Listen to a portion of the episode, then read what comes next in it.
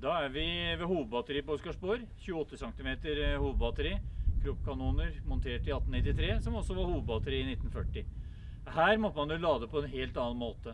For her kom jo granaten på denne tralla, eh, og den kom da fra et hull i veggen inn til traversen.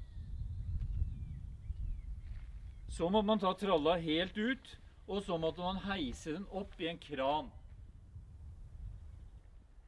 Så måtte tralla settes inn til bakstykket, og man måtte skyve granaten inn i kanonen. Og så måtte man bruke ansetterstokk på samme måte som jeg sa på 15 cm, men her måtte 6-8 mann til for å skyve denne granaten lenger inn i kammeret. Og så hadde man eh, kardusladninger man skulle legge inn som var drivladning etterpå. Det var en hylse med 60 kg krutt som da måtte inn til slutt, før man kunne stenge kilen når mekanismen var klar. Dette gjorde jo at man med utrent besetning, som vi sa i 1940, kunne man på det beste fall kanskje skyte én gang hvert femte minutt. Og denne kanonen ble jo også rettet på en helt annen måte. Her ser man at rettesveivene er jo på utsiden bak kanonen.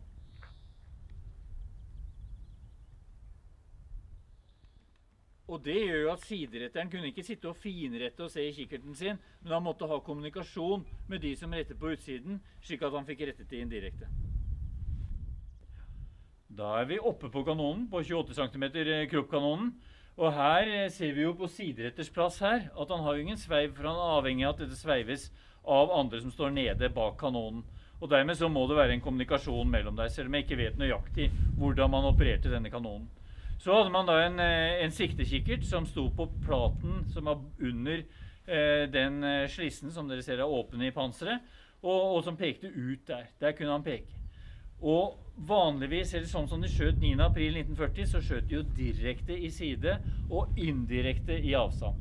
Det vil si at sideretteren her, han måtte se målet og sørge for at kikkerten sto på målet.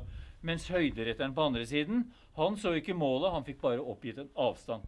Og det var den avstanden som da først kom fra målstasjonen her, som sa 1800 meter, og Busch Eriksen rettet det til 1400 meter.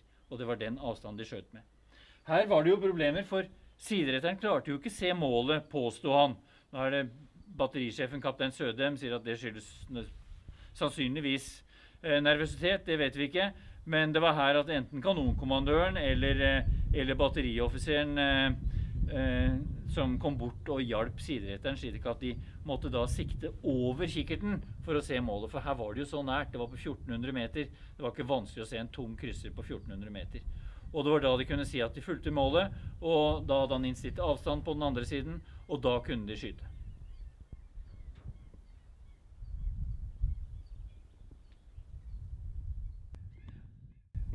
Da står vi bak eh, bakstykket på denne 28 cm, og vi aner jo litt av dimensjonene her. Her måtte jo da denne, denne mm, tralla som vi så, den måtte hektes opp her i, i krana, og så måtte den skyves inntil.